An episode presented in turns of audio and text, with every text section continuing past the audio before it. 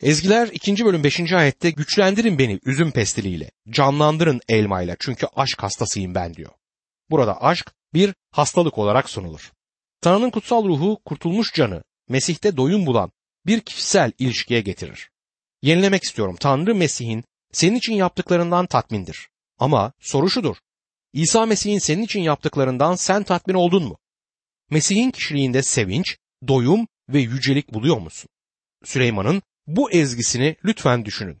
Çağların büyük iman adamları bu kitap üzerinde çok zaman harcadılar. Ben şahsen çok az zaman verdim bu kitabı araştırmaya ama benim için büyük anlam taşıdığını her zaman söyleyebilirim. Vaiz olduğum bir kentte yaşlı birisini ziyarete giderdim. Ne zaman bu adamın yanına gitsem mutlaka bir ruhsal gerçek daha ondan öğreniyordum. Onu ziyarete gitmeyi çok severdim. Bir keresinde bana dedi ki dün gece yatağımda yatıyordum. İsa'nın ne kadar harika olduğunu düşündüm. Sanki tüm parlaklığıyla yatağımın kenarında duruyor gibi geldi bana. Yanlış anlama bu şeyleri görmüyordum. Sadece İsa'yı tasarlamak bile harikaydı. Bedenim o kadar yoruldu ki sonunda bir türlü gözüme uyku girmedi. Tanrı'ya yakarmaya başladım. Ah ya Rab kaldır parlaklığını etrafımdan. Bu yaşlı bedenim daha fazla dayanamıyor artık. Paulus'un üçüncü gökte yaşadığı deneyimi bir düşünün. Çoğumuz ayağımızı dışarıya bile uzatmıyoruz. Onunla bu tarzda bir paydaşlığa girmenin anlamını çok az biliyoruz. Elbette kuzunun düğün şöleninde her şey tamamlanacaktır. Çok değerli yapıtları bulunan Erskine bunu şöyle dile getirir bir şiirinde. Sevgi sevgidir, hep arzumda, harikalar yaratıyor ruhumda. Sıhhatle yapıyor beni hasta, hasta ikense sıhhatte. Yenildim, zayıf düştüm, yitirdim. Kurtardı sevgim beni dedim. Kutsal sevgi eder yaraları iyi. Bu sevgi kutsal olanın verdiği. Sevincin çoğu beni kendimden geçirir. Bana anında refah getirir. Uğrunda ölmeye razıyım. Sevgi denilen hastalığın diyor. Tanrı'nın bu muhteşem sevgisi bir mantığa aykırıdır, bir paradoks oluşturur. Onu özlüyoruz ve bu sevginin yüceliği bile alabileceğimizden çok fazla. Ezgiler 2. bölüm 6. ayette sol eli başımın altında, sağ eli sarsın beni diyor. Sol eli başımın altında demek ne demektir? Bizi tümden kurtarmaya yetecek güce sahip o. Sağ eli sarsın beni. Bizi tecrübelerden uzak tutmaya ve seni ve beni bu yeryüzü üzerinde korumaya onun gücünün yeterli olduğuna işaret eder. Ezgiler 2. bölüm 7. ayette dişi ceylanlar, yabanıl, dişi geyikler üstüne ant içiyorum size. Ey Yaruşilim kızları!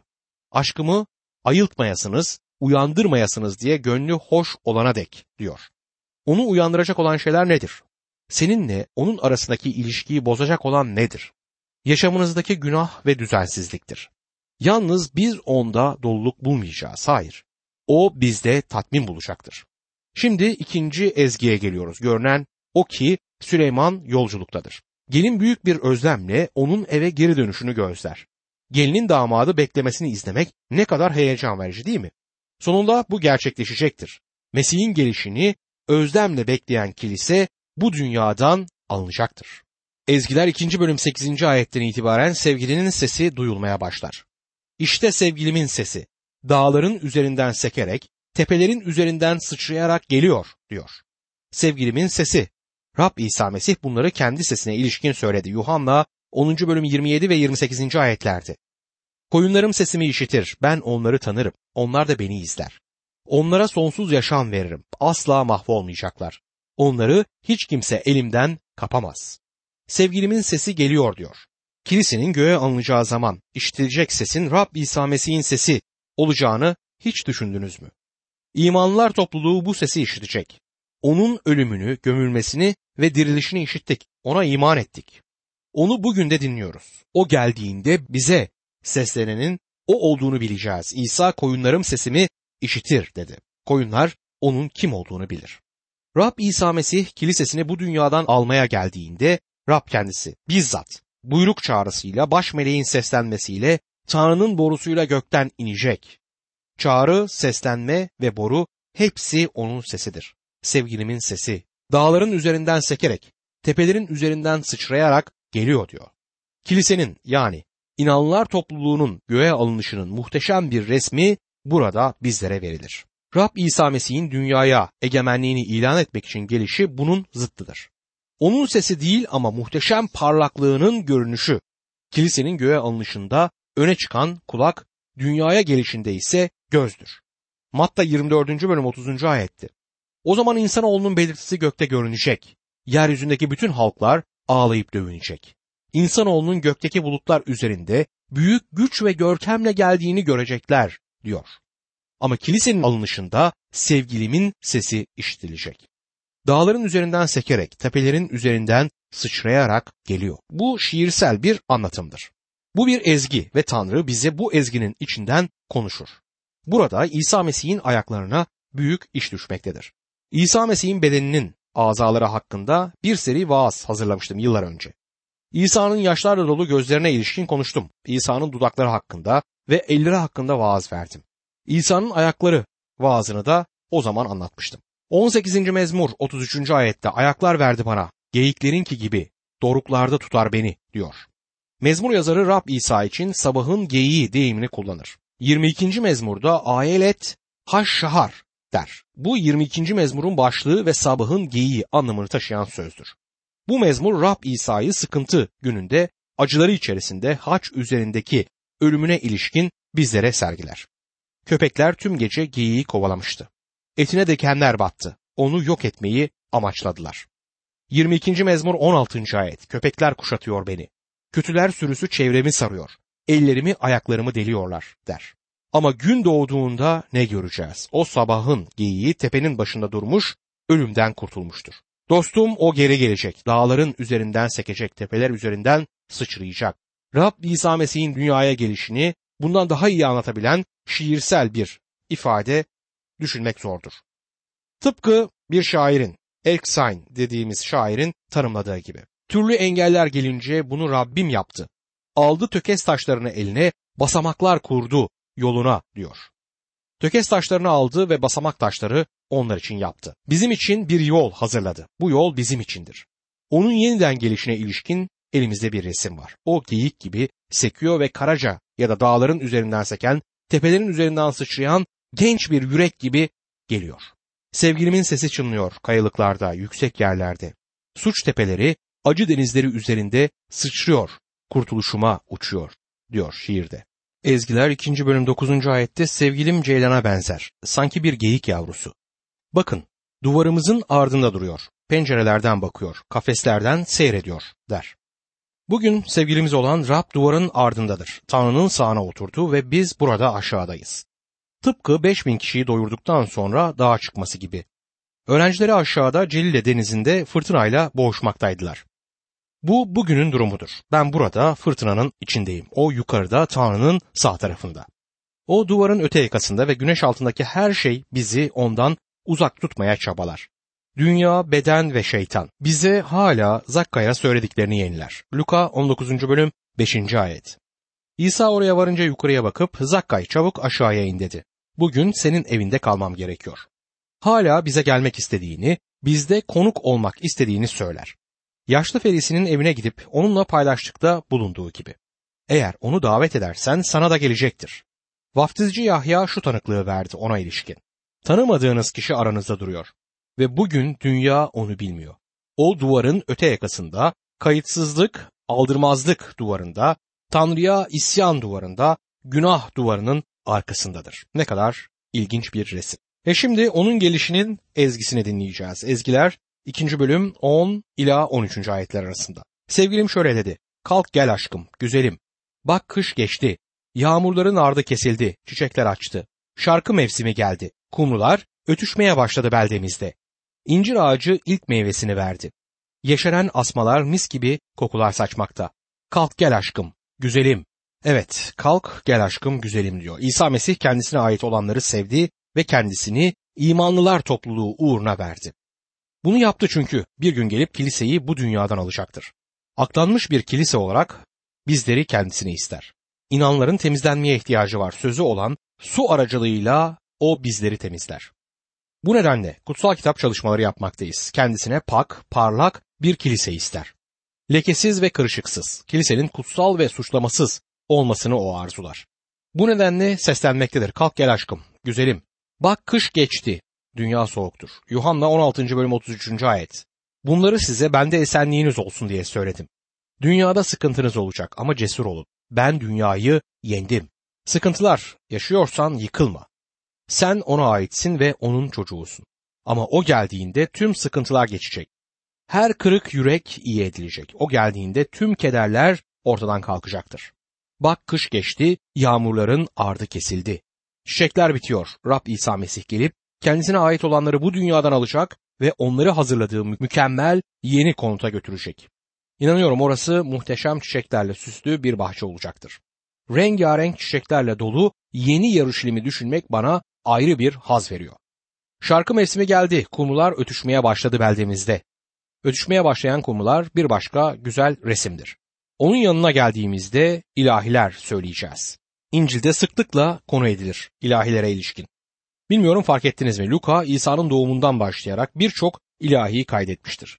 Zekeriya'nın karısı Elizabeth'in ilahisi, Meryem'in ilahisi, Anna'nın ve Simon'un ilahileri de kayda geçmiştir. İsa'nın doğumuyla ilgili birçok ilahi var. Kilise ilahiler söylemeye başladı ve Roma dünyası buna bunu dikkatlice izledi. Bir gün Rabbin huzuruna geldiğimizde yaptığı yüce işler için ona yeni bir ilahi yükselteceğiz. Şimdi bu ilahiyi harika bir şekilde yani istediğim gibi söyleyemiyorum çünkü bu ilahiyi söyleyecek yeterli sese sahip değilim ama yeni bedene sahip olduğumda bu yeni ilahiyi söyleyeceğim. Yüreğimde onu yücelteceğim. Şakıyan kuşlar, çiçeklenen tomurcuklar bize kime borçlu olduğumuzu anımsatır. Bir şair parlak yüce krala ilahi yükselt, yaşayan her can onun adını yücelt, yürek ve ses birlikte mücevher gibi. Refahtır bugünün beraberinde getirdiği der. Kumruların ötüşme vakti aynı zamanda meyve zamanıdır. İbranice'de ne meyve verme zamanı ne de ilahi söyleme vaktinin altı çizilebilir. Yazım bunu zorlaştırır. Yeşeren asmalar Rab İsa Mesih'in Yuhanna 15. bölüm 1 ve 2. ayetlerde yapacağını söylediği şu olaydır. Ben gerçek asmayım ve babam bağcıdır. Bende meyve vermeyen her çubuğu kesip atar. Meyve veren her çubuğu ise daha çok meyve versin diye budayıp temizler. Dostum sen ve ben meyve verme vaktindeyiz. İlahi söyleme vakti ileridedir. Bu gerçekten harika bir resim. Kumrular ötüşmeye başladı beldemizde. Kumru bugün bildiğimiz yaban güvercinidir. Ülkemizde fazlaca var. Güvercin her zaman barışın simgesidir. Bunun nedeni Nuh peygamberin tufanından sonra güvercini salması ve ağzında bir zeytin dalıyla güvercinin geri gelmesidir. Bu suların çekildiğinin tufanın sona erdiğinin göstergesiydi. Bu barışın sesiydi çünkü yargı geçmişti. Kumru bize sahip olduğumuz kurtuluşu söyler çünkü yargı geçmiştir. Mesih bizim yerimize acılara dayandı. Kimliğim nedeniyle değil, İsa Mesih'in benim için yaptıkları nedeniyle kurtuldum. Dostum günahların nerede? Senin mi üzerinde yoksa İsa Mesih'in mi üzerinde?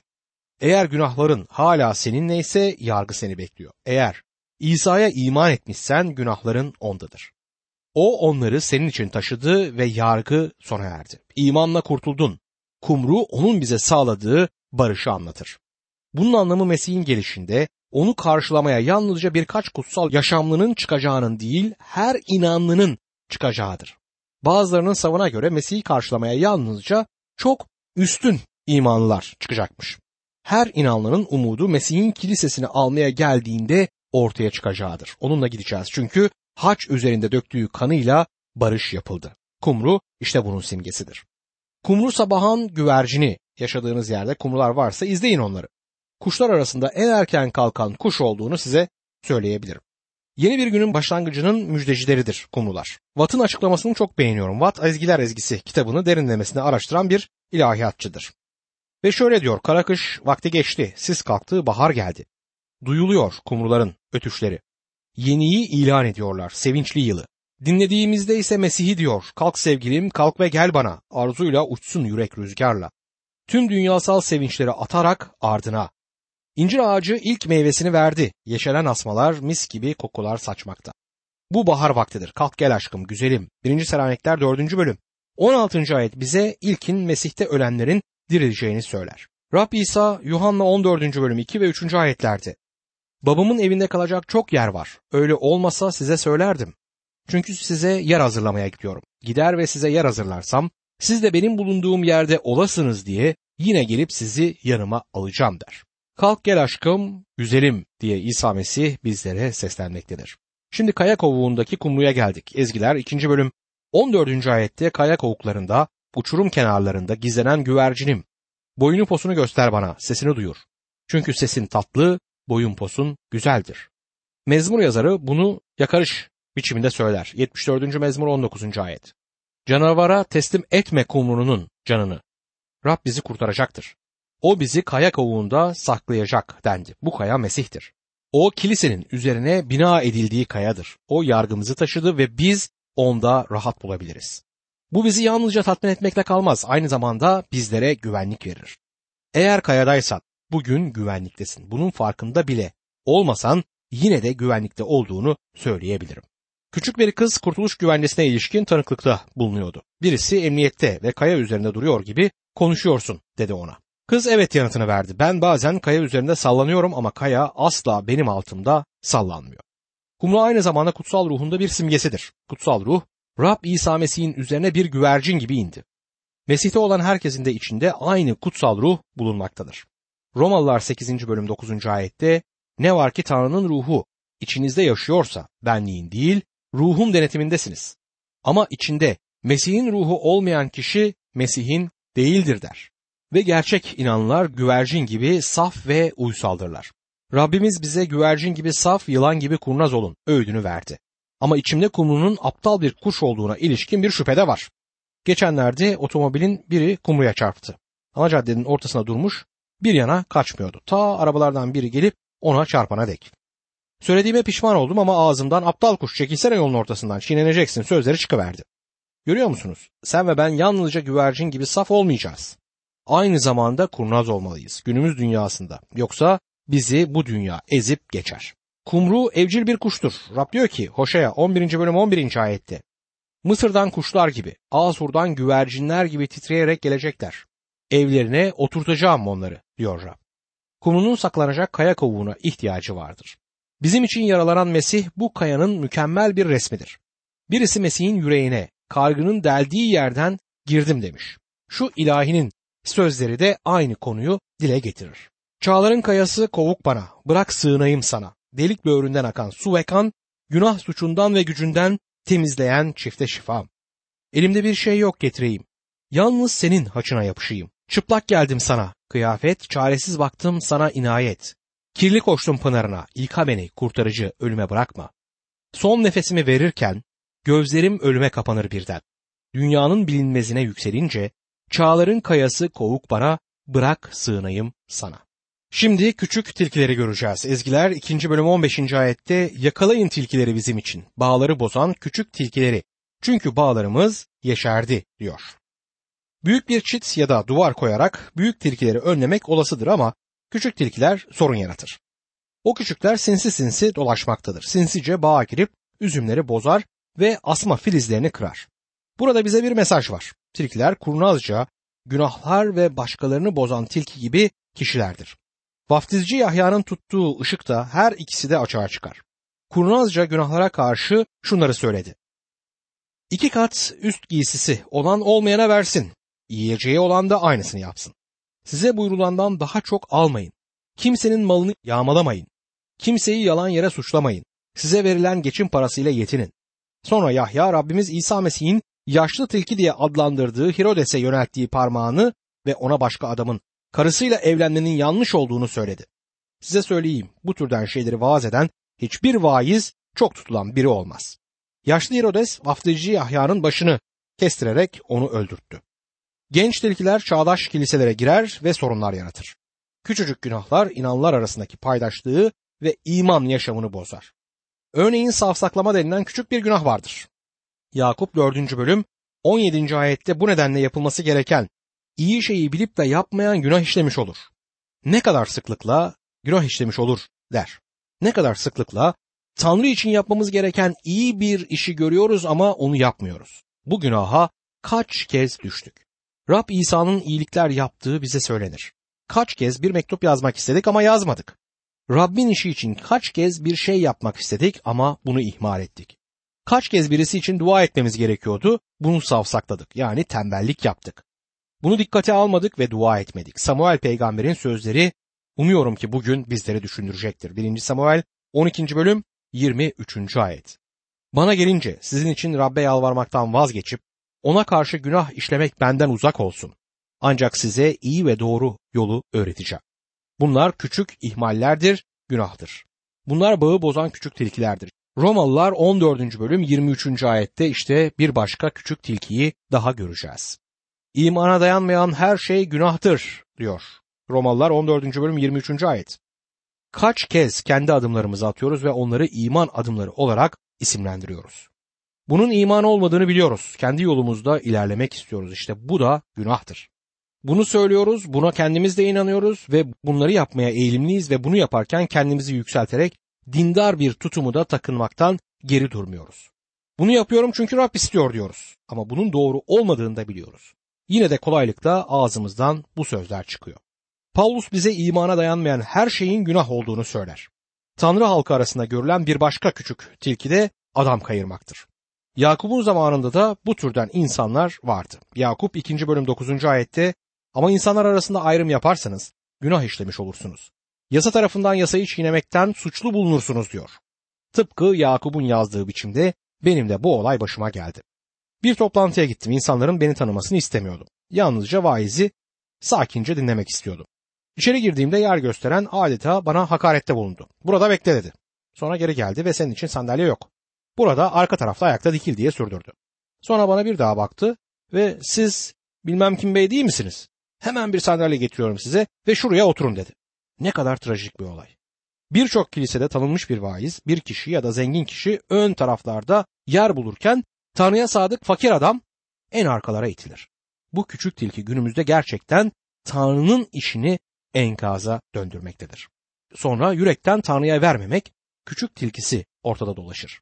Vermenin yanlış olduğu kesindir ama nasıl verdiğimizde ayrı bir sorundur. Çoğu kez de bir iki yüzlüktür. Her şeyimi ben veririm Rabbime mutlulukla diye ilahi söylüyoruz. Sonra da çeyreğinin çeyreğini kilisenin yardım kutusuna koyuyoruz. Her şeyimizi Rabbe verdiğimizi sergiliyoruz ama gerçekte yalan söylüyoruz. Sevgili dostum bugün küçük tilkiler pek çok üzümü, pek çok bağı harap ediyor.